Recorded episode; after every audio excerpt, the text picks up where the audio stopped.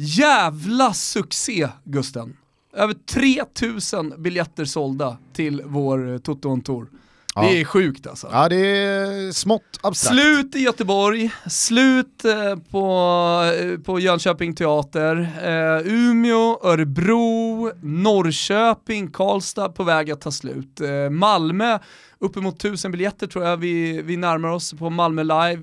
Jävla tryck är det helt enkelt. Umeåborna håller i stålarna. Nej, Umeå är med också, jag glömde dem bara. Tänk att det är så studentstad och... Nej, nej men det är, det är jävligt kul och det här ger oss energi att göra sådana otroliga shower när vi eh, tar oss eh, ut i landet i maj när solen skiner, det är varmt och EM stundar och alltihopa, det är fotboll i kvadrat. Eh, tillsammans med Martin Soneby. Eh, passa på att köpa biljetter, det är en superbra present. 350 bagis till eh, en eh, polare eller till en eh, pojkvän, flickvän, vad det nu är. Eller en julklapp till sig själv. Eller en julklapp till sig själv. Haka på det här hörni, ja, vi lovar att det kommer bli roligt. Ja, och ni hör ju själva, de går åt i rask takt, Mm. så att, eh, vänta inte för länge. Nej. Eh, ska vi köra ett eh, litet torsdagstutto då? Vi rider på succén och så kör vi med energi. Rulla igång Kimpa.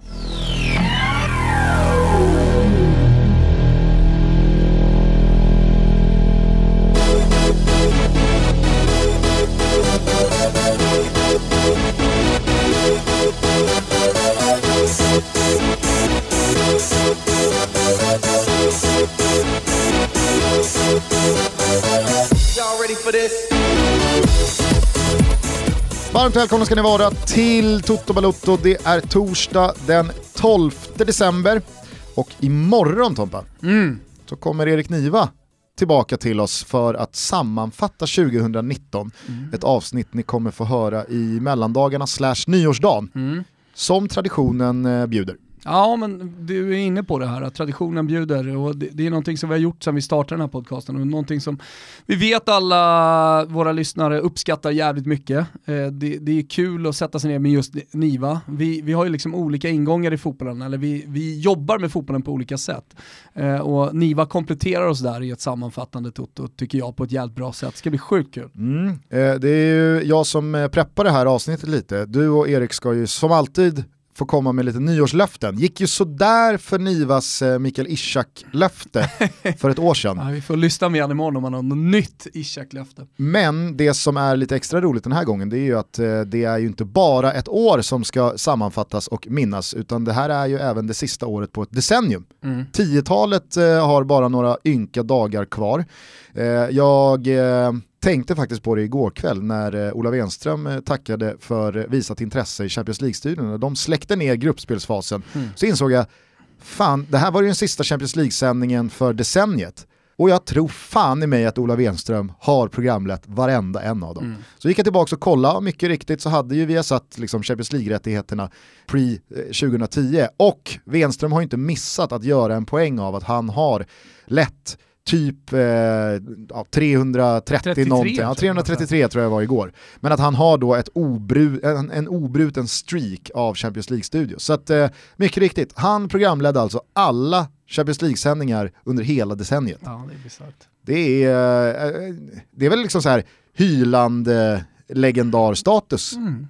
Det är alltid svårt att zooma ut och förstå att history is in the making Mm. när det händer. Det behöver ju gå ett tag, men tror du att liksom, de nästkommande generationerna kommer prata om Ola Wenström på samma sätt som Lennart Hyland och Arne Hegerfors och de gubbarna är mytologiserade för oss? Ja, nej, men han kommer definitivt vara en av de största. Vi hade ju honom i Toto Balotto, lyssna på det gästavsnittet om ni är intresserade. Det var ett jävligt bra avsnitt. Eh, men eh, alltså, känslan med honom är, det var någon som skrev på din tweet och han har aldrig sagt, eh, hackat sig på en mening. Nej. Under alla de sändningarna under ett helt decennium. Och det stämmer ju, han är ju sånt jävla ultraproffs. Och samtidigt fotbollspassionerad eh, i grunden journalist. Jag tycker, han är, jag tycker han är riktigt bra. Till och med när det har ja, men blivit lite tjafsigt i studion. Vi minns ju till exempel Sladjan versus Bosse. Eller, när det har blivit liksom meningsskiljaktigheter mellan studiopanelen. Där allt förstärks. Ja, men herregud, allt alltså, filmas piskar du upp allt. den här stämningen, Du menar Ola? att det är Mourinho alltså? Men Guardiolas så jag- presskonferens igår, då piskade han ju också upp ganska bra. Du är ganska en... Han hakade ju på där. Precis, så det är ganska märkt att skylla på Mourinho här när det är två i den här eh, Ja, debatten. men måste eh, vem skyller på, jag vet inte vad han pratar om där borta. Så, Nej, men när jag syftade på presskonferensen så var det ju ganska många påhopp igår från eh, Guardiola mot Mourinho. Förvisso svar på talbosse. Eftersom du inte förstod vad jag sa här borta så vill jag bara påpeka det igen då. ja, vad sa han? Vi Ska har ha inte fått Ja, riktigt reda på det, vad han sa. gjort. Gå in på Uefa och läs. Eh, Ska jag gå in på Uefa och läsa? Ja, efter sändning eh, kan hörni, läsa. eh, vi tar lite eftersnack nu från... Eh, Då, då har han varit jävligt bra på att liksom behålla den spänningen som finns, men ändå ja, men på något sätt eh, hantera den så här så att det blir tittbart. Nu var väl inte det i Champions League-sammanhang, men hade inte Ola själv en liten dust med Bojan gällande Leicester? Jo, det är väl en av få gånger som man har sett eh, Ola verkligen brusa upp. Sen så har man ju hört att han, när eh, räckknappen trycks bort så att säga, eh, när kameran inte är på så har man ju hört att det, där finns en annan Ola, jag tror vi pratade om det i, i podcasten också, än den leende Ola Wenström som man alltid ser i tvn. Framförallt så har väl en god Det vän ett till jävla oss bryt i honom. Nej, men framförallt så har väl en god vän till oss vittnat om att eh, det inte alltid är eh, den mest sympatiska fotbollsspelaren i reklamserien tidiga månader som, som snurrar på sig skorna. Mm. Inte det, han, det han kan vara riktigt kuk-huvud ibland, Ola Wenström. Nej, det, så långt kanske vi inte ska sträcka oss, men eh, Fan vad han, rädd du är nu han för att stöta dig med, med Ola Wenström. han, sit, det. han sitter nog på en hel del furbo. Han sitter på några bryt också. Ja, eh, jag tycker i alla fall att Toto Balutto lyfter på hatten för Ola Definitivt. Wenströms Champions League eh, track record och så tackar vi för det här decenniet. Ja, Sanslöst facit. Ska man inte Eh, alltid se fram emot ett nytt när man har tackat för något? Jo, Ja. det tycker jag. Men du, det var lite som när jag sa att jag såg fram emot 20 nya år med Solen Victus. ja, just När det. de firade 15 år. Ja, i, I sak har du inte fel. Nej, i sak har jag inte fel, även om, även om det blir lite fel. Du, eh, vi kanske återkommer till AIK. Vilken jävla tung eh, nyhet de levererade igår Mm. som start på 2020 och det nya decenniet. Men först, på tal om Champions League, ska du ha ett litet midweek-svep? Det ska jag definitivt ha. Pronto Gugge! Champions Leagues gruppspelsfas är över och inte heller denna gång ramlade någon av de största elefanterna. Nej, Inter är inte Nej. en av de största. Chilla Nerazzurri. De blåsvarta lyckades inte besegra ett gravt reservbetonat Barcelona utan fick se Ansu Fati smälla in 2-1 till katalanerna och Luke Shaw hälsade Romelu Lukaku, Conte och resten av Inter välkommen tillbaka till Europa League. Även fjolårssessens stora positiva överraskning Ajax lyckades slarva bort avancemanget från gruppen genom att först tappa 4-1 mot Chelsea och sen inte få hål på Valencia hemma i Amsterdam. Men där stannar också de stora rubrikerna vad gäller bommade åttondelsbiljetter. Liverpool leder lite farligt inledningsvis mot ett ursinnigt Salzburg på högsta växel, men Alisson Becker stod pall och när 1-0 för de röda kom tidigt i andra halvlek var det defilering hela vägen in i våren. Real Madrid och framförallt PSG visade klassen i sista rundan. Bayern tog full full pott genom ännu en seger mot Spurs i ett roterat möte i München. Men av bilderna att döma så blev det kostsamt. Kingsley Coman allvarligt knäskadad. Lyon gjorde Foppens Leipzigs sällskap till slutspelet genom 2-2 i den franska studentstaden och Zenit fick i samma grupp lämna Lissabon utan ens en Europa League-plats att trösta sig med. Atletico Madrid darrade inte på manschetten utan gjorde jobbet mot ett direkt svagt Lokomotiv Moskva och mitt i allt undrar jag om rysk fotboll, trots alla miljarder, någonsin kommer ta det där steget in i eliten. Jag är skeptisk. Den stora positiva knallen blev dock Gasperinis Atalanta och deras lösta åttondelsbiljett genom rekordlåga sju poäng och fascinerande tre inledande förluster. Det ska ju bara inte gå. Kul med lite nytt blod i slutspelet och viktigt för Italien att för första gången på länge få med sig tre lag in i finrummet. Vi avslutar Midweek-svepet med ett litet nedslag i The Championship. Ponne och Brentford. Vilka? Brentford och Po har efter en skakig och slarvig inledning varvat upp och har nu bara en futtig pinne upp till playoff. Men det är två lag som har gått ifrån högst upp och på samma sätt som Tompen gratulerade Liverpool till Premier League-titeln nyligen vågar jag nu gratulera Leeds till säkrat avancemang upp från källaren. Oj, Marschen aj, aj, tillsammans kan inte sluta på något annat sätt och West Brom gör dem högst troligt sällskap. Värre går det för den fulaste av ankungar, nämligen Stoke. En livsviktig trea nu i veckan, men trots vitala poäng så parkerar de rödvitrandiga på nedflyttningsplats. Det är inget annat än fascinerande att traditionen av etablerade Premier League-klubbar med fallskärmar och meriterade spelartrupper kan dratta hela vägen genom Championship och landa i det nattsvarta League One. var ska man börja här då? Vad ska man ta i? Jag vill ju ta i Atalanta lite grann. Ja, Men, eh, och- börja och- där då. Ja, men där är ju folk kanske minst intresserade eh, eftersom det är det minsta laget. Men det är en jävla häftig resa de har gjort. håller du med mig om min känsla att det kommer aldrig lyfta för ryssarna? Det, det är liksom så här, vad heter det, ekoplugg som man drar i eh, trästammar för att de ska ruttna och man ska bara kunna fälla dem. Sen, sen, sen finns Känns det ju- inte som att det sitter ekoplugg i rysk Jo. klubbfotboll? Det kan jag hålla med om. Man kan ju, annars kan man ju slå in rostig spik i trädstammar också. Kanske en sån som sitter i ryssarna. Nej, men det är klart att det aldrig kommer. Och jag menar hela den här grejen med att det är bara lag från de fem största ligorna som har tagit sig vidare. Och det, det på något sätt eh, beskriver ju hur det ser ut i Europa numera. Vi har ju kommit mer och mer dit. Sen så att det är just Atalanta, hade kunnat varit Inter, men men eh, ja, de fran franska lagen gör det helt okej. Jag menar, där kan ju någon komma in och störa. Porto brukar ofta vara där, eller Benfica. Så att det är klart, och det kommer säkert hända framöver också. Men, eh, men det stora är ju att fan, nu har, nu har det satt sig lite, jag skrev det i min krönika igår också. Kanske bör man göra om, eh, i alla fall döpa om Champions League. För Champions League handlar ju om mästarna och det är mästarna som ska göras upp. Alltså, nu är det de fem, de fem största ligornas League, det är ju det det handlar om ju. Jo, Och- samtidigt så och- kan jag nej, men tycka att man ofta jag tycka drar det lite för stora växlar av just en höstsäsong. Alltså, vi Fast det är ju inte bara sex matcher. en, alltså gruppspelet som det har sett ut de senaste åren har ju, har ju mer och mer gått åt det här. Och det är inte, det är inte mästarna som tar sig vidare, det är inte mästarcupen, kan det, jag är inte. Champions League. Alltså, det handlar inte bara om, om namnet, men, men eh, de som tar sig in i Champions League, som inte är de stora och sen så tar bort då CSKA Moskva, Porto och någon till eh, från de mindre ligorna, de är bara turister. De är, där, de är där dels för att tjäna lite extra pengar och det är ju skitkul för Malmö eller vad det nu är för liten klubb i sammanhanget som kommer dit. Och att så här, fan vad häftigt att Paul Pogba och Juventus kommer på besök. Det, det, det, och jag menar så här, det turistandet i Champions League måste ju få ett slut. Ja, visst. Alltså, så här, om man nu vill att det ska vara mästare från alla lag. Men fotboll handlar ju, det, det måste finnas eh, dramatik, det måste finnas eh, spänning och jag menar ta bort det från gruppspel, ta bort det från enskilda matcher.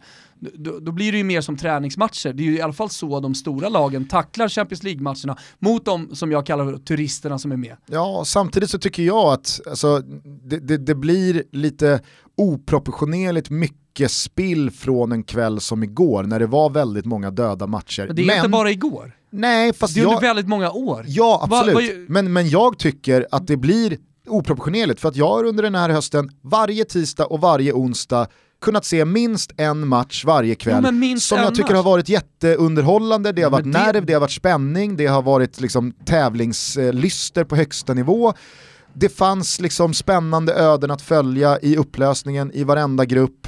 Bortsett kanske då Bayern München, Tottenham, visst, där, där, där, där fanns det inte, Inte mycket att peka på. jättemycket spänning fanns det. Det fanns något lag, typ de här som jag radar upp här, Spartak Moskva eller vad det nu är, Benfica. Något lag, så, nu kunde inte Benfica göra någonting. Men, men det, är, det här turistandet måste bort Gusten. Alltså det, det, Det jag ville komma till var i alla fall att när jag sa då att ja, men jag, jag tycker att man drar för stora växlar på en höst med sex matcher. Jag håller med dig, men nej det har, det har, det har pekat åt ett håll väldigt, i Du säger att ja, men det är alltid någon match, och det är, ja men det är klart att det är, men det är väldigt många matcher som bara bara, är utfyllnad lite grann. Jag tar gift här och nu på att näst, om, ett, om exakt ett år så kommer det vara ett eller två lag, eller kanske tre lag, utanför de stora fem ligorna som har följt med till Jo, eh, Jo, åttondelsfinalerna. men det är Porto, det är, det, är liksom, det är något sånt lag.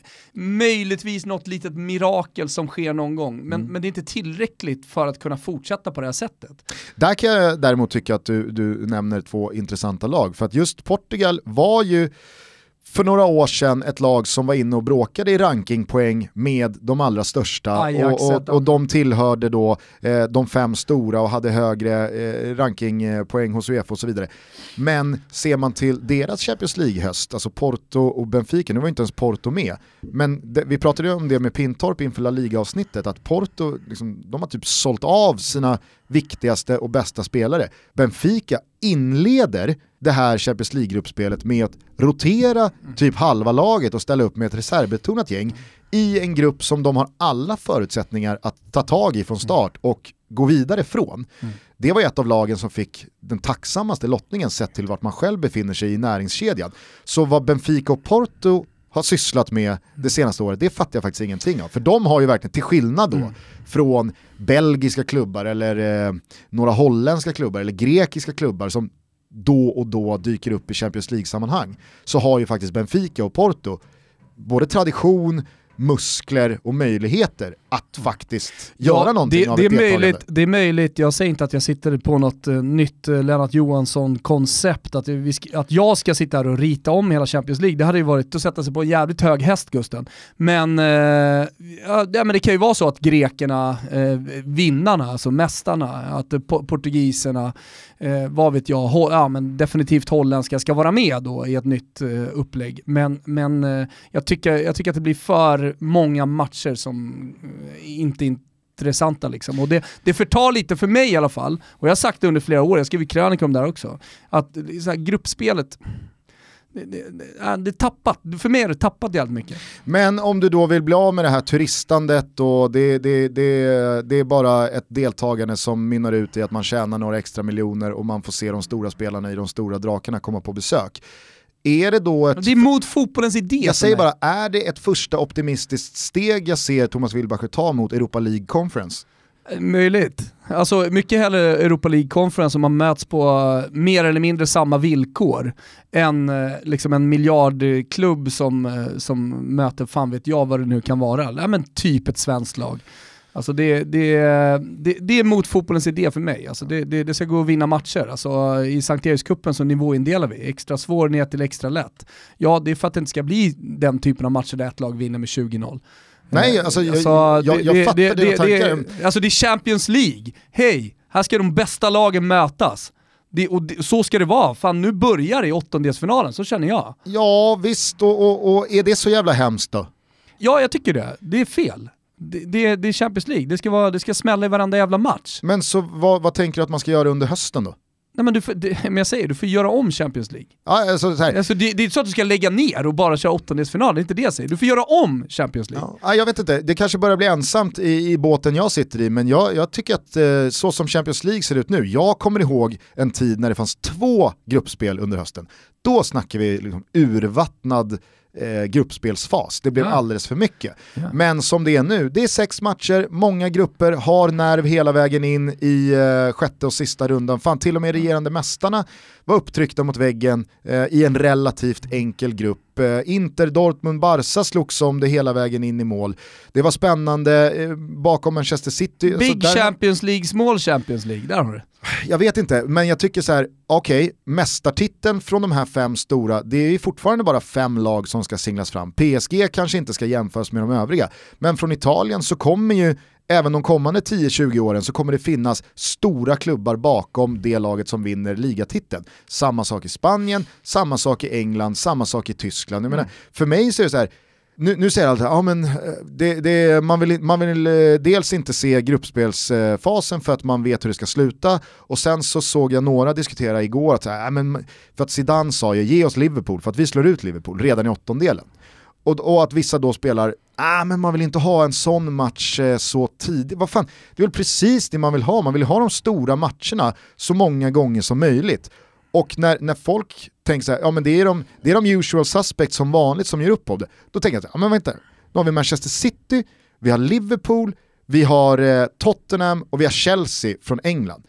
Real Madrid, Barcelona, Atletico Madrid från Spanien, Valencia får ursäkta, PSG, Bayern München, Dortmund, Juventus, nu ser inte jag Napoli som någon titelutmanare, men Napoli det är en, det är en stor Inter. och mäktig klubb som jag, ja fast Inter gick ju inte vidare, Nej. nu pratar jag, det är 12 lag Mm.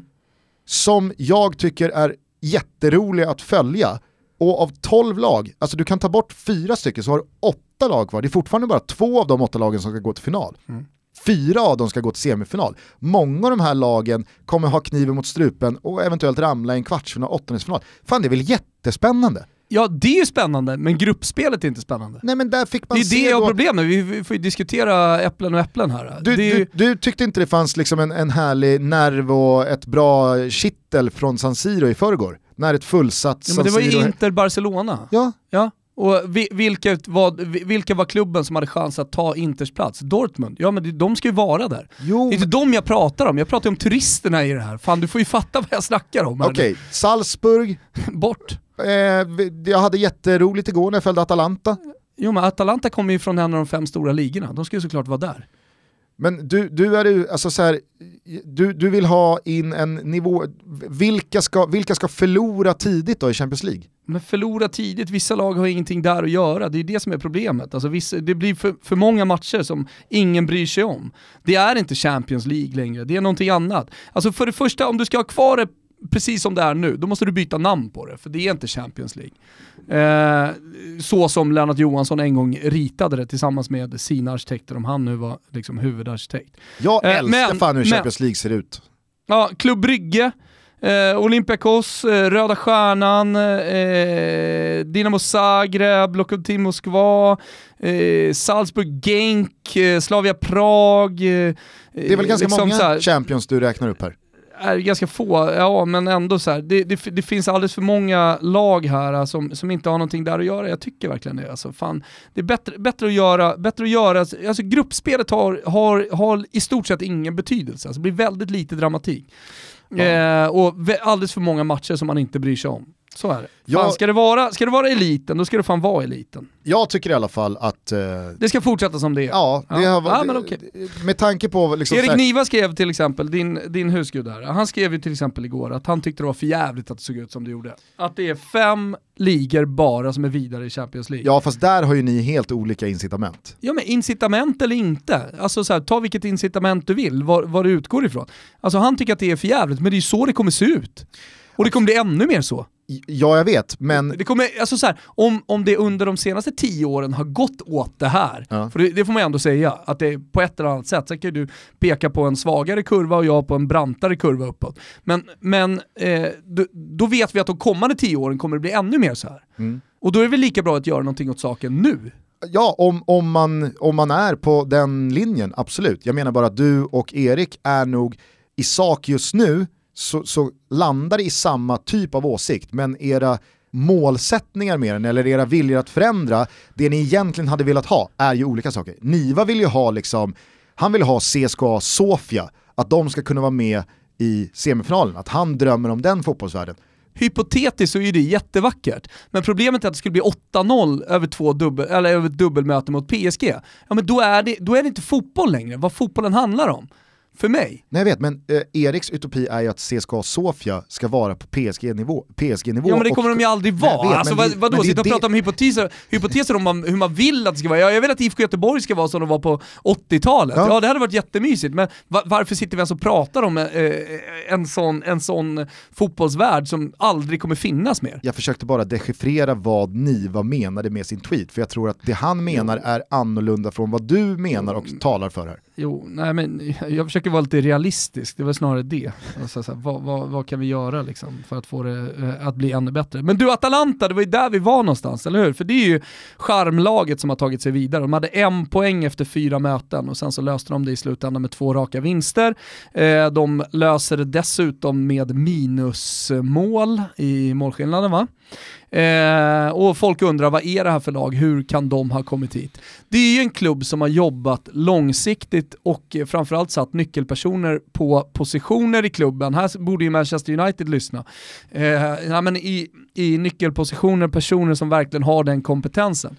Il Miracolo Chievo, åsnor som flög, de minns du, eller hur? Ja. Som var ett kvartersgäng eh, från de lägre divisionerna som tog sig hela vägen till Serie A och dessutom fan Gusten ute i Europa. Ska vi lyssna på några sekunder från Kevos inno? Absolut. Questa forza siamo noi, gente che vale, gente speciale che Fortfarande topp top fem. Vet, vet Globalt. Vad, ja, där, där, där har du såklart ägaren, Panettone-mästaren, men sen så, eh, om vi nu ska prata om arkitekter Gusten, eh, så är det ju eh, Giovanni Sartori som eh, var ansvarig över allt det sportsliga, som såg till att det där hände. Före detta fotbollsspelare som blev en väldigt skicklig eh, sportchef. Han är mer än sportchef skulle jag vilja säga, nästan klubbchef, men ansvarig, man brukar säga i Italien, över area teknika, liksom allting som har med sporten att göra. Eh, och eh, han var då Kevo, nu har ju Kevo åkt ur, det har varit massa strul med fakturer hit och dit med Parma och så vidare. De har gått ett annat öde till mötes, de kanske kommer tillbaka. Men inte med Sartori, för han är i Atalanta nu. Och det är han som har byggt upp det här. Så att det var första nyckelpersonen. Och sen så kom Gasperini in, fostrade Juventus ungdomssektion eh, som tränare. Eh, alla vet ju att han kanske floppade lite i Inter, men med facit i hand, med lite distans till det som hände i Inter, vet vi att det var inte speciellt mycket att jobba med där. Det var, det var en klubb som var på väg neråt och då är det svårt som tränare liksom, med ett dåligt material att, att försöka liksom skapa, skapa någonting vinnande. Eh, så att Gasperini tog över den där klubben, alltså allt det sportsliga som han har gjort tillsammans med Sartori, det, det, är helt otroligt. Och så ska man då jämföra med de stora klubbarna. Atalanta är från en liten stad, Bergamo. Eh, deras ägare är visserligen rik, äger eh, köpcenter, han har massa kosmetikaföretag. Vet du vad han har gjort? Nej. Som alla hatar. Han har etablerat Starbucks i Italien. Mm. Så första Starbucks-butiken var han som öppnade. Han, han har eh, franchise-ägandet, men inte bara. Lego också, då börjar folk gilla honom lite. Så att han, han etablerar Lego-butiker. Men jobbat med varumärken, alltså han ut, affärsutvecklare i Nike, i Victoria's Secret och så vidare. Så man fattar att det här är en jävla, det här är en entreprenör, self-made, före detta fotbollsspelare. Och det ballaste av allt, Antonio Percassi. Han är alltså fostrad i Atalanta och spelar för Atalanta. Så att han är en före detta fotbollsspelare också som nu liksom tar upp den här klubben. Så det, det, är liksom Atalanta, allt vad Atalanta står för är Antonio Percassi som står högst upp. Och det är jävligt ovanligt om vi nu ska prata om Erik Niva som inte gillar oljemiljardärer och eh, eh, ja vad är det mer man är? Man är ryska oligarker och sen så är man från Mellanöstern och kommer in med en massa pengar. Här har du ju liksom... Det, Emirer. Alltså folk som inte har ett lag i Italien, när man fan hoppa på Atalanta-tåget då. Där har du den passionerade ägaren som dessutom har spelat i klubben. Self-made entreprenör som har liksom eh, skapat ett litet imperium eh, som räcker gott då för att, eh, för att eh, föra Atalanta till en åttondelsfinal. Tillräckligt med pengar, även om det inte går att jämföra med de största. Jag tycker att det, det, det är eh, en av de ballaste resorna som har gjorts eh, i, inom den internationella fotbollen eh, på 2000-talet, helt klart. Dock ingen inno på Kevo-nivå. Den heter väl typ så här Atalanthem. Alltså Anthem, och så. jag tror att den heter Atalanthem. Vi, jag, jag har inte lyssnat på den men eh, vi kör den kort här.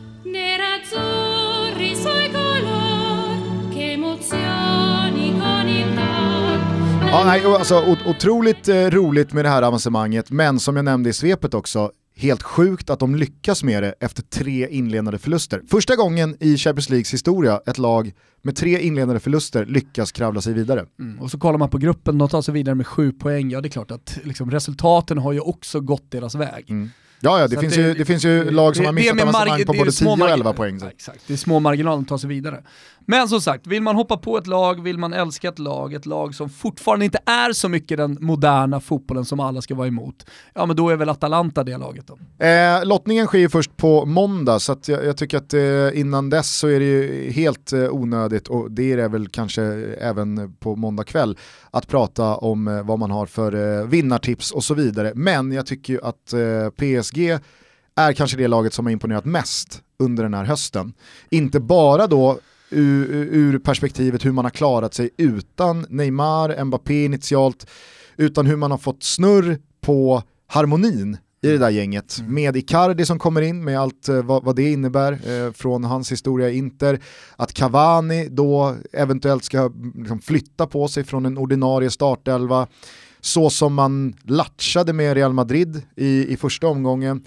Ja, jag, ty- jag tycker att eh, PSG har visat väldigt mycket och jag tror att för varje fiaskoartad exit ur den här turneringen så måste de ju komma närmre Ja, det är en så semifinal och en final. Ja, Eh, med tanke på att laget, jag, jag var inne på att i år så är första säsongen som PSG går in i eh, en ny säsong med ett sämre lag än vad man hade innan. Mm. Men det fick man ju ta tillbaka efter då att Neymar blev kvar, Mm. Icardi kom eh, och tappen blev inte speciellt eh, stora någonstans. Eh, att Tuchel dessutom är kvar och har fått eh, ha jobbet ännu längre och, och fått ut sina spelfilosofier ännu mer på plan. Ah, jag, jag tycker att eh, PSG ser eh, brutala ut. Nu håller jag Icardi jävligt högt som fotbollsspelare och han har väl eh, ett mål varje 78 minut tror jag läste igår och eh, 12 mål på 15 matcher då han hoppat in i flera av dem.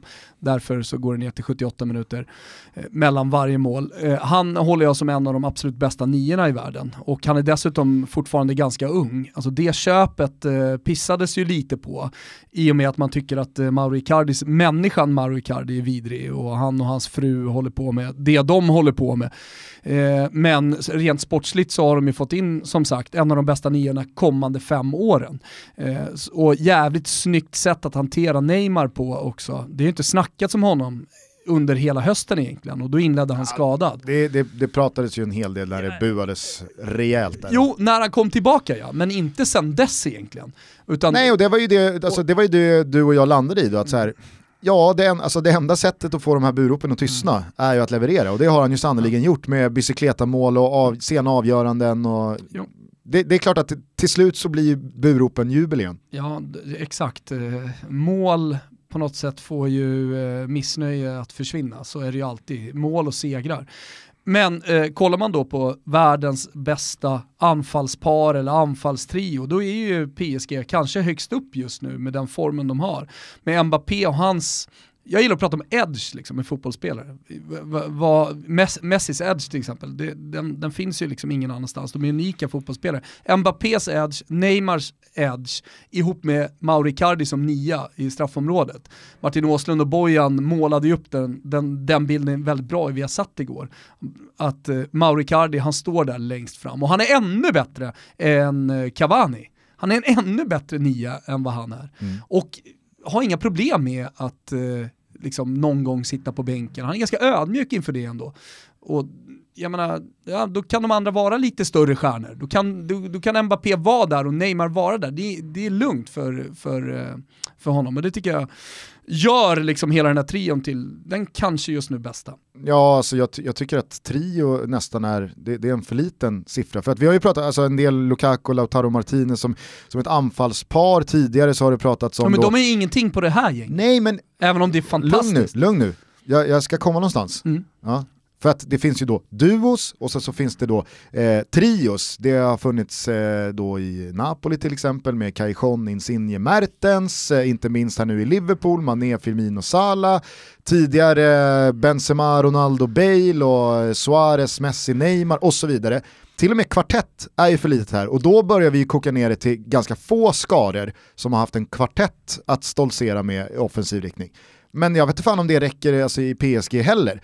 För att jag tycker man ska nämna Di Maria här.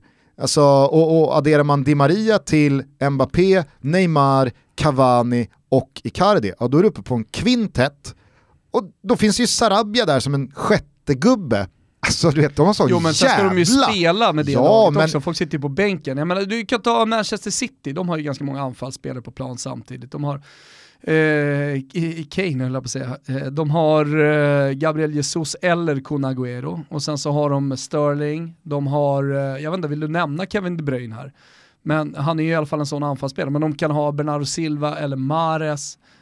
De har David Silva. Alltså har de Leroy. Sané skadad absolut. Men Jo men du får, alltså så här, hur Jo, de men- ställer upp på planen. Jag säger, inte att, jag säger inte att de här sex spelarna ska spela samtidigt, men det är sån jävla kvalitet på femte gubben, på sjätte gubben, Mm.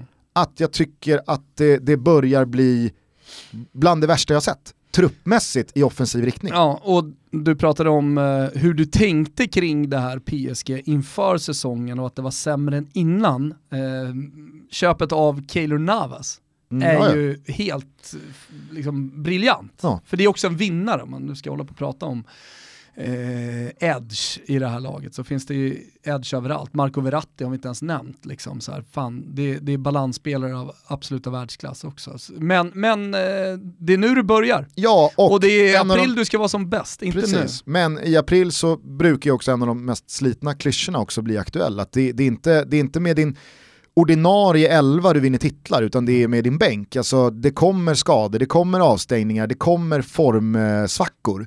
Och att då kunna byta ut de spelarna mot.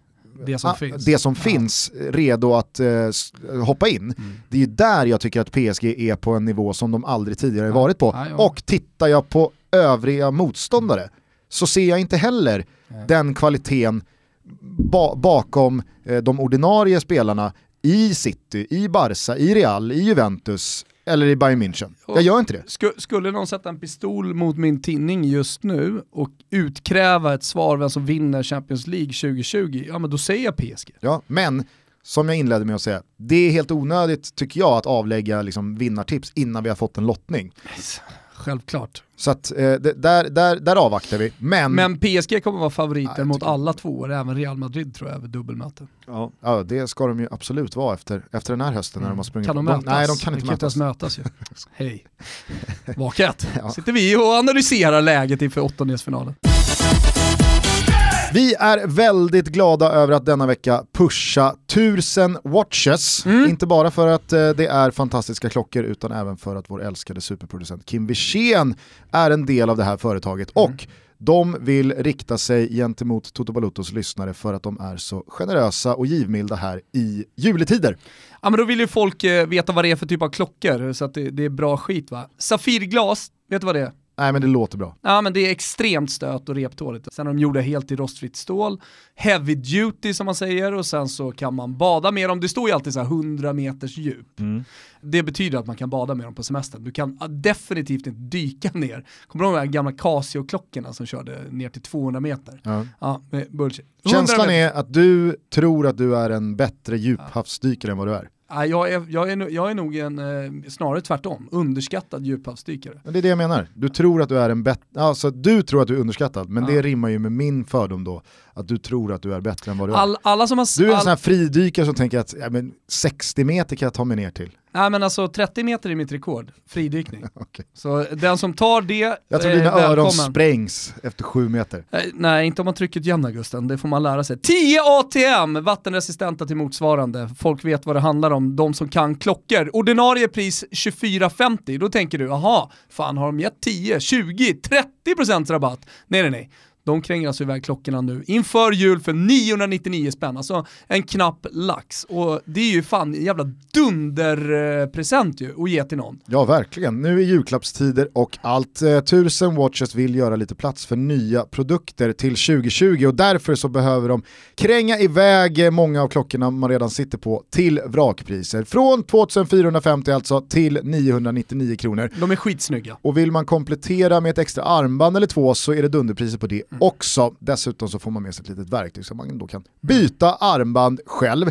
Gå in på 1000watches.com snedstreck tuttobalutto och 1000 stavas som det låter, T-U-R-S-E-N watches.com snedstreck tuttobalutto. Välj det du vill ha och så anger man koden Gusten eller Thomas. Versaler eller gemener spelar ingen roll. Fri frakt såklart, ta Thomas. Eller så blir det en liten tävling då mellan dig och mig. Alla som tror att Thomas är en sämre fridykare än vad han själv tror använder koden Gusten. Ah, okej. Så, Så kan säger vi stort tack till Tusen Watches och eh, stort tack till eh, Kimpa Wirsén för att han är en sån generös själ. Så är det. Vi är denna vecka sponsrade av CDLP och vi har ju flera gånger under året predikat om eh, hur CDLP äntligen erbjuder stilrena och värdiga kalsonger och strumpor för män.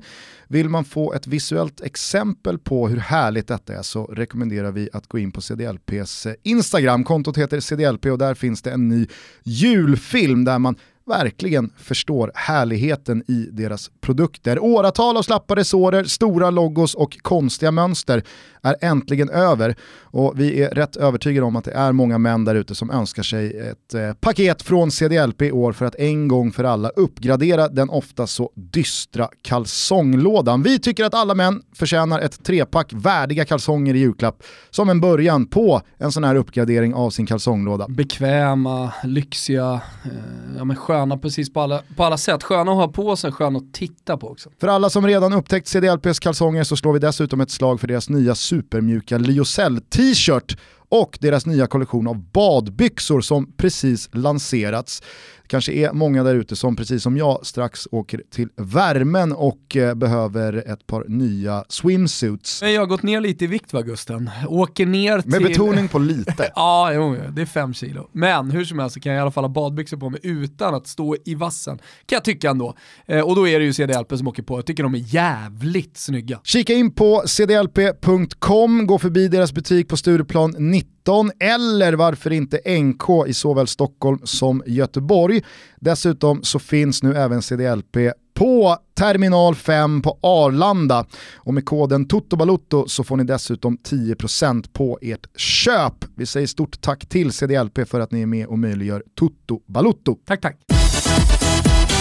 Men du, om det är eh, full harmoni i eh, PSG och alla har klackarna i taket, vad är det då som händer i Napoli?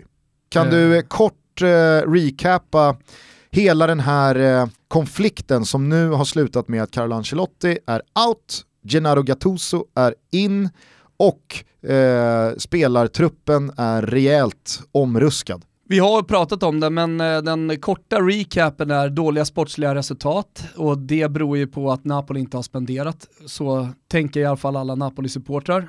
Det ledde till att eh, presidenten och hans son ville att de skulle åka på Retiro eh, och, och liksom vara avskärmade allting.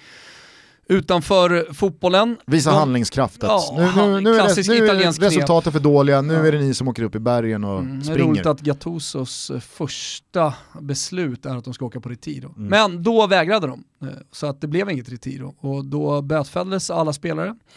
Eh, Och vad var Ancelottis roll i det movet? Var han på spelarnas sida eller var ja, det han vet på man väl inte riktigt. sida? Såhär, ja, ja, framförallt så var han väl inte tillräckligt eh, stark ledare i det ögonblicket. Så han, han, fick väl, han, han hamnade liksom lite emellan.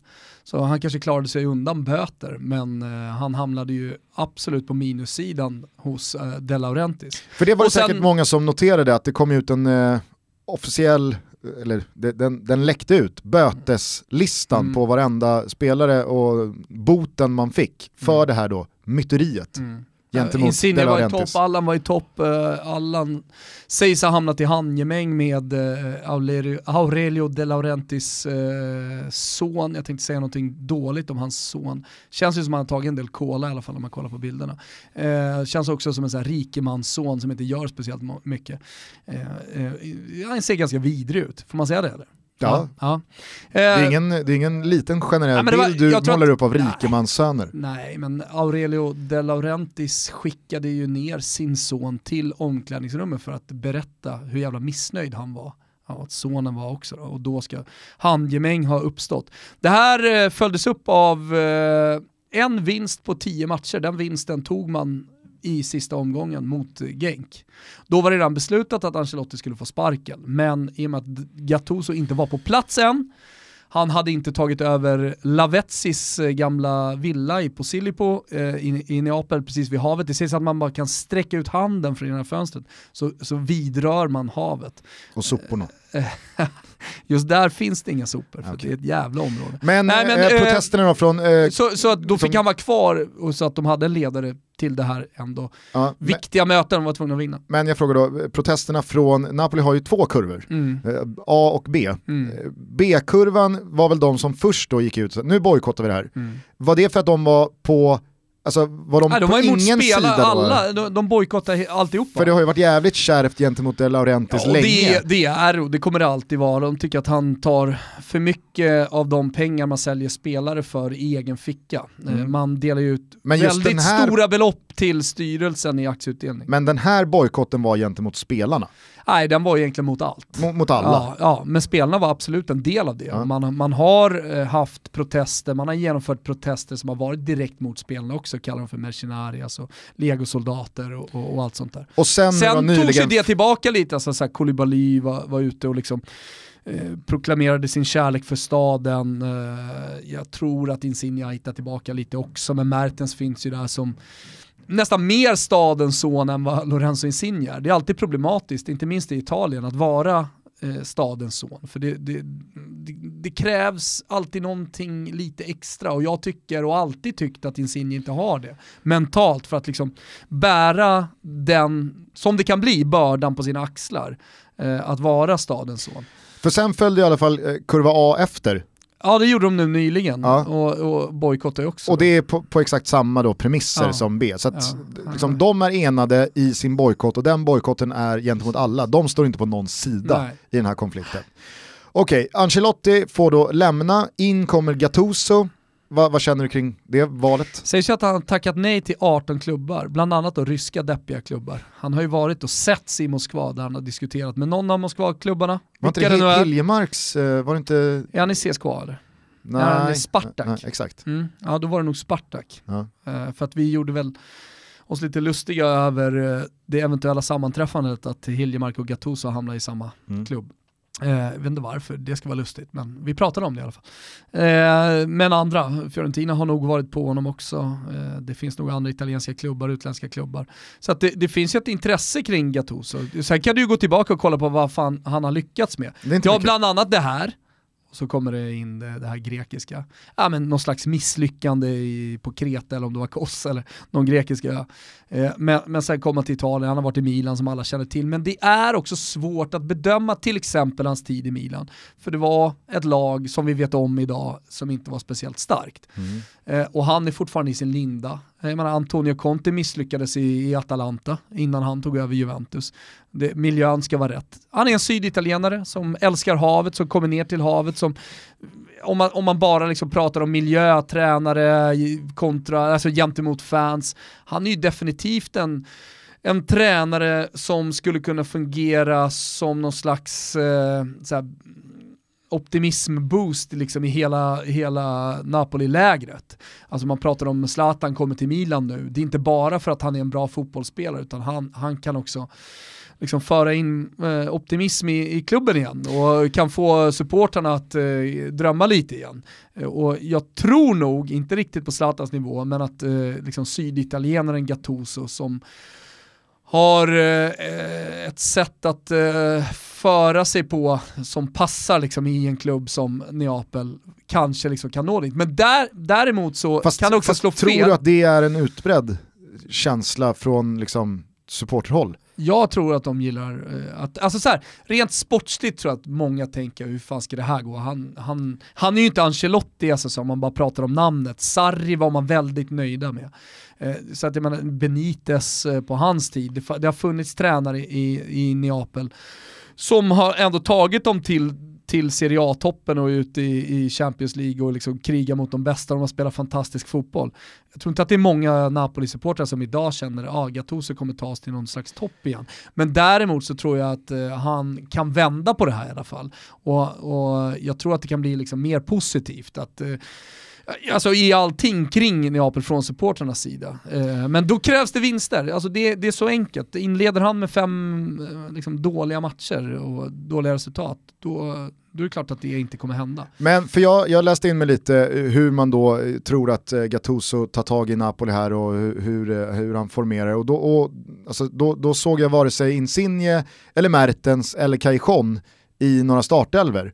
Utan då är det snarare eh, Irving Lozano och Milik. Alltså är Mertens och Insigne, alltså är det spelare som har bränt ut sig? Är de så pass persona non grata för De Laurentiis att Gattuso kan ha kommit in och fått det här jobbet med restriktionerna? Framförallt- Mertens och Insigne och några till kan du skita i för att de ska bort från min klubb. Ja, nej, men det, det är nog så enkelt. Att eh, de spelarna, här du ska inte glömma bort spelarnas egen vilja, Eh, är på väg bort. Och jag menar så här, vad, vad ska du då göra om du kommer in som ny coach strax innan januarifönstret? När klubben då vet att Mertens, eh, det snackas om att han vill till Inter väldigt mycket, även om det kommer sluta i det. Men, men att eh, Lorenzo Insigne nog han har nog nått slutdestination i Neapel av den anledning som jag pratade om tidigare. Han blev aldrig den liksom, stadens son som verkligen kunde bära Napoli på sina axlar. Och då tror jag att det, det är bra att ta ett avsked. Och speciellt så som situationen har blivit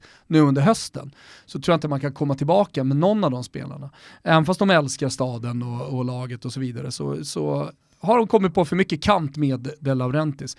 Eh, och då har väl Gattuso gått med på att spela andra spelare. Framtidens eh, Napoli, som det ser ut Absolut, idag. samtidigt som jag tänker att Gattuso som kommer in i ett lag med en usel form, i ett uselt skick.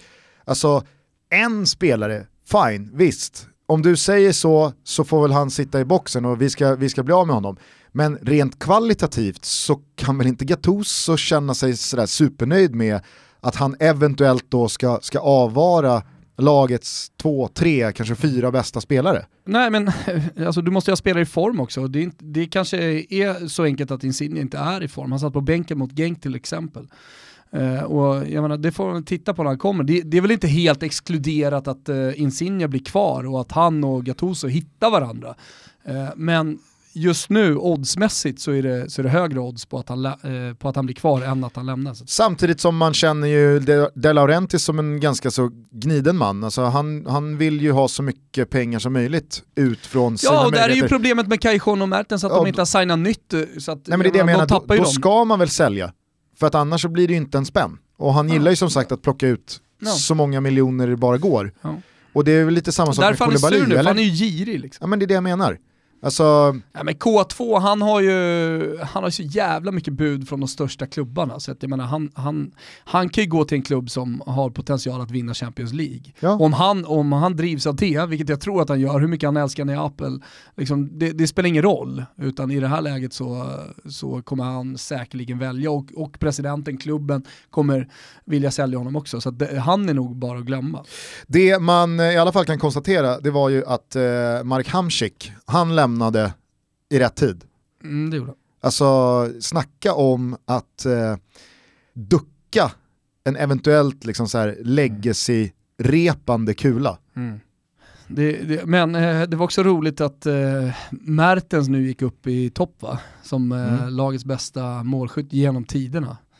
Det, är ändå, det känns konstigt att säga på något sätt att det är, det är Dries Mertens som Ja, i, synnerhet, bästa i, målskytt genom tiderna. I synnerhet om det ska skära sig till 100% och han ska lämna eh, som någon slags svikare eller som, som han, en, kommer, han kommer alltid i supporternas ögon ses som en, liksom, ja, men en eh, idolhjälte. det beror väl Det på. kommer säljas Det beror väl på vart han eh, Ja du menar om man kommer går, till, liksom. eh, Juve, om man går till Juventus och Då kan vi göra mål och firar, ja då- men då- självklart. Då kan vi ha att göra med en historiemixtring. Oj, det försvann 12 mål från Dries Mertens. Maradona är fortfarande Ja, meste målskytt. Så, så skulle det Nej, kunna vara. Hamsik är väl det va?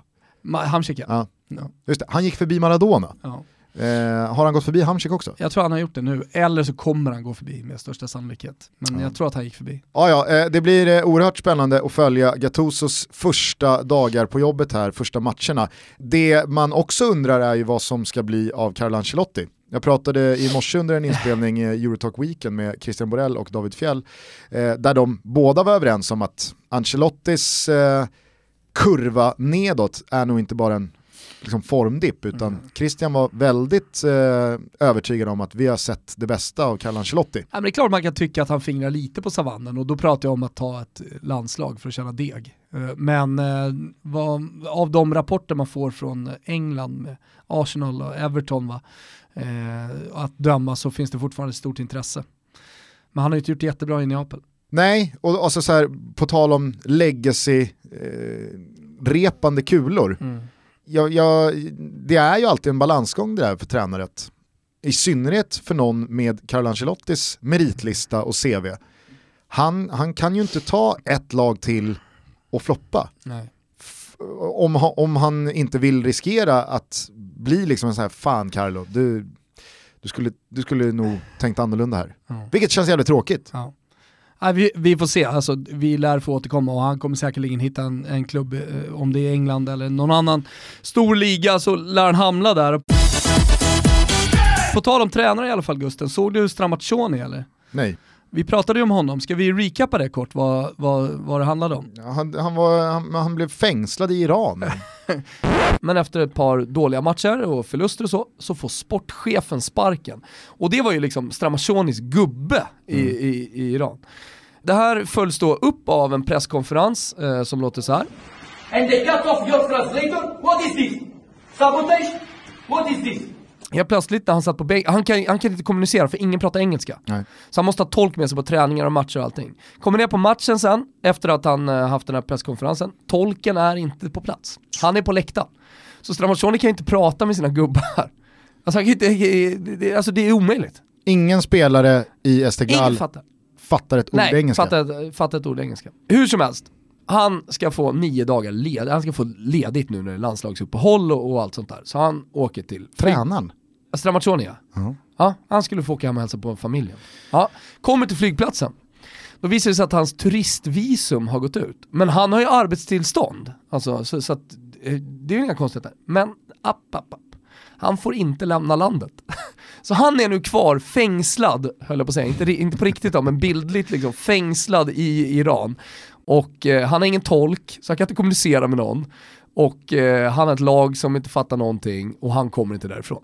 Nu ja, har han fått sparken som jag har förstått i alla fall av sin iranska klubb. Det är väl, det är väl inte första gången. Ja, det är väl inte första gången i så fall han har fått sparken. Det har väl hänt tidigare. Det är så Och- jävla nice när det är Esteghlal Mm. och man har rätt. För att man har inte jättemånga alternativ redo att skjuta ur sig. Var med i iranska klubbar. Men eh, nu har någon iranier, misstänker jag, eh, photoshoppat in bilder på flaggor från en protest i Iran eh, med eh, Stramaccionis eh, ansikte på. Och sen så kablar man ut det här och internationell media från Irans sätt Eh, internationell media, eh, gav då liksom nyheten att nu pågår det protester i Iran för att Stramaccioni har fått sparken. Så att det var liksom så här, ja, protestbilder, relativt vilda liksom sådana, eh, med då flaggor på Stramationi. Men det visade sig då att bara vara en Photoshop-bild. Men Gazzetta dello Sport, som är Gazzetta dello Sport, de, de liksom plockade ju upp det här och gjorde en nyhet av att så här, kolla här nu, folket, folket i Iran är galna för att Stramaccioni har fått sparken. Det är en sak att Toto Balutto inte kollar en bra story. Ja, så är det ju. Men Gazzetta dello Sport borde ju såklart kolla den här storyn. Borde, borde kolla det lite bättre. Så att eh, 60 miljoner italienare tror att liksom, iranierna går man ur huset, ut på gatorna för att protestera att Stramaccioni har fått sparken. ja. Ja, sanslöst. Eh, är det någonting annat eh, som du tog med dig här från eh, sista Champions League-rundan? Nej, jag tycker att det är jävligt kul att Jao Felix är tillbaka. Jag tycker han är en fantastisk jävla fotbollsspelare. Nu, gjorde han en, eh, nu sköt han in en straff. Och det kan man ju tycka vad man vill om det är en straff. Men den, den straffen är så jävla bra. Trippier skjuter i stolpen först ju. Trippier! Trippier, han har blivit spanjor nu, eller hur? Han är ju spanjor. Ja. Eh, kan vi ju påminna om när han gjorde en av sina första intervjuer i Atletico Madrid och han fick frågan vad han lyssnar på för musik Mm. och han säger då att det är mycket hiphop, rap, R&B och då de, de textar det till spanska Mm. och skriver Aaron B. det är roligt. Nej men alltså det, det vi pratade om tillslag jävla- med Det är så jävla Vinicius mediterranskt. Mm. Ja, Aaron B måste vi ha missat. Mm. Nej, vi pratade om tillslag med, kring Vinicius Junior, att det är som att han skjuter på en dåligt pumpad boll med en badtoffla. Eh, med eh, Jao Felix är det någonting helt annat i alla fall. Och, så jag tycker det är kul att han är tillbaka, jag tycker han är fantastisk alltså. jag gillar honom. Eh, noterade du också min lilla Championship-avstickare i svepet? Kul ju! Det är alltid roligt för jag har till exempel Brentford och Leeds, har jag på min Flashscore-app eh, som liksom lag jag följer. Då Ja. plingar det till även om jag inte liksom gått in på den matchen. Så eh, i inledningen av eh, Champions League-matcherna så plingar det bara till 1-0 Bräntan. Det enda som skaver med Brentfords eh, segerstreak de är inne i, i nu här och att de... ju- de har torskat lite på slutet också. Jo men sett till En bra period. är det. 8-10 senaste matcherna så, så har de ju Ja, skrapat men de hade ju en svit och sen så blev det lite sämre nu i ett par veckor och nu är de tillbaka på vinnartåget. Hur som, det enda som skaver är ju att Ponne inte hittar nätet. Mm. För att vi har ju en långtidare eh, hos våra vänner Betsson som lyder att eh, Huddersfield ska missa topp 6. Huddersfield kom ju från eh, Premier League, åkte ur i fjol. Och som jag också antydde gällande Stoke så är det ju liksom en märkligt fascinerande och stark tradition av att lagen som åker ur Premier League, trots att man får en miljardfallskärm och trots att man har en spelartrupp med, med alltså i Championship-mått mätt, högkvalitativa spelare, så är det så jävla många lag som slåss i botten. Mm. Stoke, eh, absolut en nedflyttningskandidat att åka ur i League One. Sunderland är redan där, Portsmouth, Wigan, alltså det är så många lag som har varit etablerade i Premier League som ett, två, tre år senare inte ens spelar Championship-fotboll. Hur som helst, vad skulle jag med det här? Jo, Huddersfield skulle missa topp 6, Brentford ska komma topp 6 och Ponne ska göra tre mål. Det är långt kvar Gugge. Jo, men Det är en hel Det är dags. oändlighet kvar. det är dags Ponne att Det, trycka in en det- eh, hörna. det är det definitivt. Nej, annars har jag en eh, savannspaning om du vill ha. Ja, nej, men jag skulle bara tillföra då till mitt lilla Mm. Championship-nedslag att Niklas Eliasson han har eh, fått en rejäl renässans. Det är många som minns Niklas Eliasson. eh, Kan man verkligen kalla det renässans eftersom han rent in- internationellt inte har gjort någonting innan? Varken, alltså så här. Han Fast är så pass ung. Fast det är väl inte kopplat till eh, om man gör det internationellt eller inte? Det var ju en spelare som slog igenom eh, och som en eh, Jag, liksom jag skulle snarare säga att han har fått ett genombrott snarare än renässans. Alltså renässans är mer en eh, 30-årig gubbe liksom. Gubbe. En 30-årig spelare som eh, har haft eh, fyra fantastiska år, sen en dipp och sen så kommer han tillbaka och återuppstår. Okej, ur ett svenskt perspektiv så gick ju i alla fall Niklas Eliasson från att vara ansedd som en av allsvenskans absolut mest spännande yttrar, offensiva, konstruktiva hot, kom ju till AIK, hade det väldigt jobbigt där, lämnade ju, jag tror att ingen AIK-supporter kände att fan vad, fan vad trist att vi blev av med Niklas Eliasson, han tillförde ju ingenting. Pang bom, några år senare så är han faktiskt eh, en riktigt, riktigt bra spelare i Championship. Jag läste in mig på lite siffror. Han, är, han ligger otroligt högt upp eh, i då liksom expected analyssiffror. Eh, Och inte bara, alltså även ass och Ja, ja mål, absolut, alltså. men, men det säger ju en del om eh, hans eh, aktie där. Och den når ju kanske inte alltid Sverige när det är en sån Var spelare som inte är eh, landslagsaktuell. Eh, det är inte någon spelare som eh, spelar i ett lag där, där man ser matcherna. Men Niklas Eliasson, kul! Var att det han inte flyger mjukglass-psyk-rykten kring honom Jo. tidigt? Jo. Ja, det har han ju bevisat att det inte finns. Det, problemet med re- renässansen Gusten, det är att det tog ju tusen år innan liksom, renässansen blomstrade i Florens. Alltså renässansen från eh, antiken. Så att det har inte gått tusen år direkt för eh, Eliasson. I min värld är han fortfarande hyfsat liksom, ung eh, i, i sin fotbollskarriär. Eh, min spaning i alla fall vad det gäller savannen är ju ett mediafenomen som eh, måste ut på savannen. Jag kan börja där. Jaha. Julkalendern. Ja, okej då. Ska vi se vad som gömmer sig bakom lucka ja, nummer den, sju. Den lever ändå. Eh, Men det är ett sånt jävla slitet grepp jag håller med. att ta. Jag håller med. Och du sitter ju och öppnar luckor varje dag i Ja. ja. Follow Us AIK. Och jag säger att jag håller med. Men det kan vara så att liksom just det här greppet eh, ska få en renässans om tio år, Mm. vad vet jag. Men just nu så måste det ut på savannen. Och det är ju live, liveandet i text va. Det är ju det som har gjort, eh, liksom, eller gjort, men, men bland annat som gjorde Leifby extremt stor. Han var ju kungen av live-rapporteringen. Ja. Och då har man eh, på Aftonbladet eh, tagit in den frilansande numera journalisten eh, Leifby att live-rapportera från Nobelfesten. Det har inte det här med fotboll att göra. Men det blir så jävla smärtsamt tydligt att live-rapporteringen inte har någonting längre. Att man i varje liksom, text då från Leifbys sida här måste vara lite så här putslustig och rolig. Och jag följer honom med glädje på sociala medier. Men detta blev det blev jobbigt att följa. Men sett till likes och retweets så får man väl ändå anse att Så det fortfarande har någonting ute i stugorna. Det, det befäster ju min 97% tes va? ja. eh, jag menar tresplitten som du och jag gjorde Gusten, eh, den, den var ju fantastisk där och då, men den var tvungen att gå ut på savannen. Den hade inte mer än några år på sig. Live-rapporterandet, inte minst vad det gäller fotboll, men en Nobelfest, hallå? Eh, det, det, det, det, det, ska bara rätt ut på, på savannen. Jag ville bara ha det sagt. Ja, okej. Mm. Eh, vill du ha en liten spaning från mig? Tack. Det är att Mourinho, eh, han har redan börjat närma sig gamla fina Mourinho igen. Mm.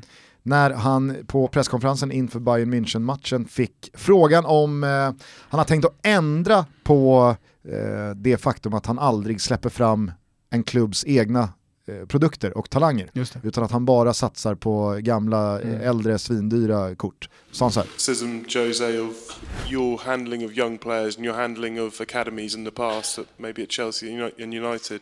Do you think that's been fair criticism? And are you determined to prove at Tottenham that it, it was unfair? Yeah, it's very important. Uh, Scott McTominay is only the the best player at Manchester United. Rafael Varane is one of the best players in the world. Is fair criticism, yeah. ändå skönt. Ja. Det tog inte ens tre veckor så Nej. börjar man känna att fan nu är, han, nu är han snart tillbaks. På vilken nivå är Haaland då i intervjufaserna? Har du hört han eller? Ja, ja, du menar att han, eh, han inledde ju på, på den högsta nivån. Som att han har gjort eh, intervjuer på, på Exakt. eh, y- Och då tänker jag så här, kan det ha att göra med att han är ett kändisbarn? Att han liksom har haft sin pappa som har alltid varit stor, att, att man får en viss svansföring bara genom att vara född in i det, förstår du vad jag menar? Alltså nu, nu är inte jag eh, norrman, tack och lov. ja. det, är, det är någonting jag tänker på Där vill du vara tydlig. ett par gånger i veckan. Fan vad skönt att man inte är bagge. Men eh, eleverar du inte Alf-Inge Haaland här lite? Ja, men I Norge Jag vet- jag är han jag menar stor, kom igen. Är han det? Ja, Är inte han en knäskada liksom? Jo, han är stor i Norge, det måste han ju vara på något sätt. Jo, är, men- inte, är, ja, inte han- Al, är inte Alfinge Haaland, eh, vad, ska vi, vad ska vi säga, är inte Jo, Alfinge jag. Haaland, eh, Jo men grabben kan ju fortfarande liksom ha fått den svansföringen. Jo men han, han kan ändå liksom ha, på något sätt, liksom att han har den här svansföringen. vet du vad han är? Han är Kalle Corneliusson, Kalle Kula. Nej, som för fan, 8 av alltså. 10 är en dråplig skada. Alltså så här, vad tänker man på Kalle Corneliusson? Jo, när han skar gurka Ja. och han körde kniven genom handen och Ja. missade någon stor Vad har det med Haaland att göra? Att han är liksom skadan först i sitt legacy. Okej, jag trodde du skulle säga att han var Dan Corne- Corneliussons son, för det är han ju inte. Nej, verkligen inte. Nej men det är roligt, många trodde ju och tänkte ju liksom genom hela hans karriär. Ja, han är, skulle- Folk som lyssnar på det här nu Men skulle tror Kalle- fortfarande att Kalle Kula är Dan Corneliussons son. Jävla fin karriär han hade, Danne Cornel- Men- Corneliusson, nere i Como. Men skulle Kalle Corneliusson få fram en son som vid 19 års ålder stänker in eh, liksom, vad- sju, åtta kassar i Champions Leagues Men gruppspelsfas. där är ju inte Haaland. Och en norsk podd skulle kalla eh, då Corneliusson junior för ett, ett kändisbarn så skulle ju du tycka, nej men vänta du, Kalle Kula, så det, han skar gurka en gång. Jag vet inte hur många procent det är, men hans svansföring i mixade zonen, Haaland alltså, har på något sätt med att hans pappa är Haaland att göra. Det är jag helt säker på. Om det är 10% eller 50% det vet jag inte. Men det är ju han, hur han har tacklat att han är son till Haaland. How are you feeling right now? I feel very good. Anything else? Uh, you asked how I feel. I asked. I answered. I feel very good. What's the secret? 17 goals now this season in nine games. To work hard. How are you feeling? Um, in on. Och så låter det hela tiden. Det är väldigt korta svar, det blir jobbigt att intervjua. Eh, man får förbereda sig tänker jag om man ska intervjua honom. Jag låg och tänkte på det i sängen igår när jag skulle sova. Så här, hur, hur, vilka frågor man skulle ställa för att öppna upp Haaland, vilken, är vilken approach man skulle ha till Du har honom. tre barn, du ligger där i sängen med Helena. Helena undrar, vad tänker du på Thomas? Är det julklappar till tjejerna? Nej, jag ligger och tänker på vad man hade, vad man hade sagt till Erling Köpt- Braut. Köpt en säng till eh, familjen för 50 000, en 240 säng som är helt fantastisk. Jag sover i soffan. Och det har inget eh, att göra med att jag är liksom skickad, det är för att jag älskar att sova i soffor. Jag har alltid gjort det hela mitt liv. Mm. Konstig grej, men så är det. Hörni, helgen på Simor den går inte av för hacker. Oj. Det är ju eh, framförallt skulle jag vilja Mm. säga, Derby della Lanterna. Genoa mot Sampdoria, Ranieri och Albin va? Yes. Mot Mimmo och gubbarna. Yes! Är det topp tre matcher som Serie A kan bjuda? Det sägs ju alltid det så stämningsmässigt och så. Men eh, de stora arenorna är de stora arenorna. Sen så är det ju populärt att eh, älska Derby della Lanterna. såklart. Sen som sagt följer vi med spänning Gattusos första uppgift som Napoli-tränare. Kulusevski och Parma kommer på besök till eh, San Paolo. Och eh, söndagen avslutas med eh, Fiorentina mot Inter Oj vilken slakt. Från Fio. Ja men det, nej, Jag de såg kommer ju igår- slaktas. Alltså, det är ett du- Inter som kommer hungriga och revanschlystna efter uttåget ur Champions League. Det har ju blivit en del Italien i det här avsnittet. Så kan det få vara ibland. Vi Ja. pratar väldigt sällan om italiensk fotboll. Ja, Eh, men jag såg igår att du twittrade ut eh, en eh, eventuell då, liksom, framtidsplan som har Ja. lagts fram i, i Florens. Mm. Och det var många gamla stora kanoner som nämndes. Ja, men att Prandelli Battistuta skulle ta över som någon slags tandem samtidigt som Battistuta pluggar till tränare i Coverciano som ligger utanför Florens eh, och Prandelli skulle sedermera då gå in i ungdomssektionen i Fiorentina. Men att det stora, liksom det stora namnet som eh, Comisso, ägaren, vill ha är Spalletti. Mhm. Men det här Unai Emery då? Ah, det, är väl, det tror jag bara är något slags rykte. Men uh, Unai Emery, Spalletti, sen såg jag någon annan efter att jag twittrade där. Uh, nej, Moggi tror jag det var. Ja det var fan Luciano Moggi, den gamla räven. Ska vi ringa honom någon gång? Jag har hans nummer. Fan vad fint det var när jag ringde honom på julafton.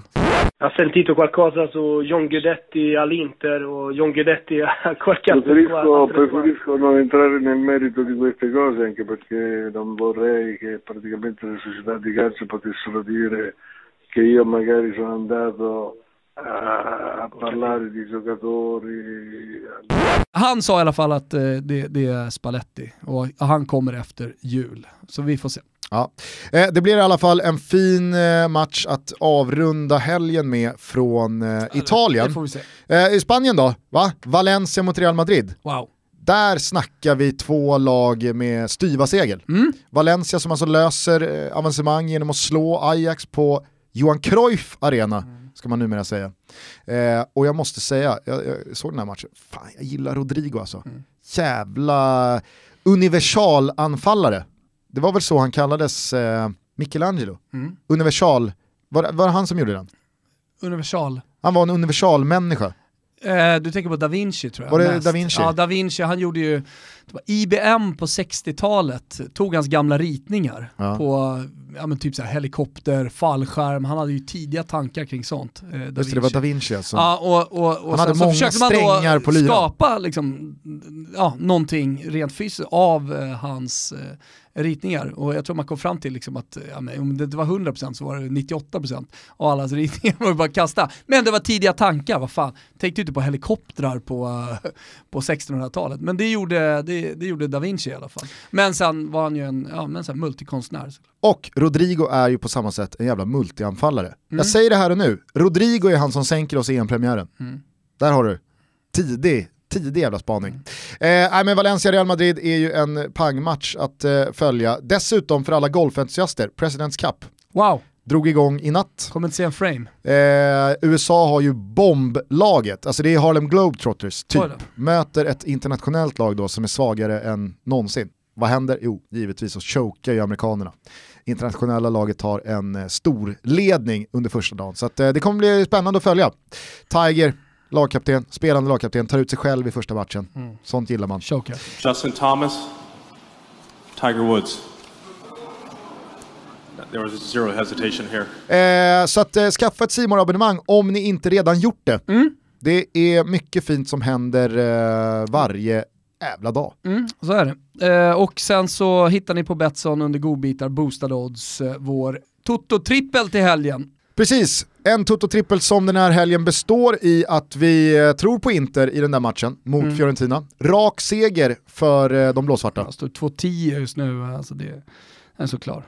Sen så tror vi att det blir över 2,5 mål i den där matchen på Mestalla, Valencia mot Real Madrid. De flyger framåt båda två. Oh ja. Eh, hålls Oh, inte ja. många nollor där. Nej. Så att eh, minst tre mål i den matchen. Och på tal om mål, vi eh, bankar också att Jamie Vardy fortsätter sin jakt på skytteligatiteln hemma mot. Norwich. Mm. Så att eh, Jamie Vardy målskytt i Leicesters match eh, hemma mot eh, hopplösa Norwich. Mm, ja, den skriver jag under på. Härligt, eh, den hittar ni som sagt under godbitar och boostade odds. Rygga med 148 kronor och eh, skicka in er rygg i hashtag Tototrippen. Nu ska jag gå ut och bojkotta. Vad? Julmust.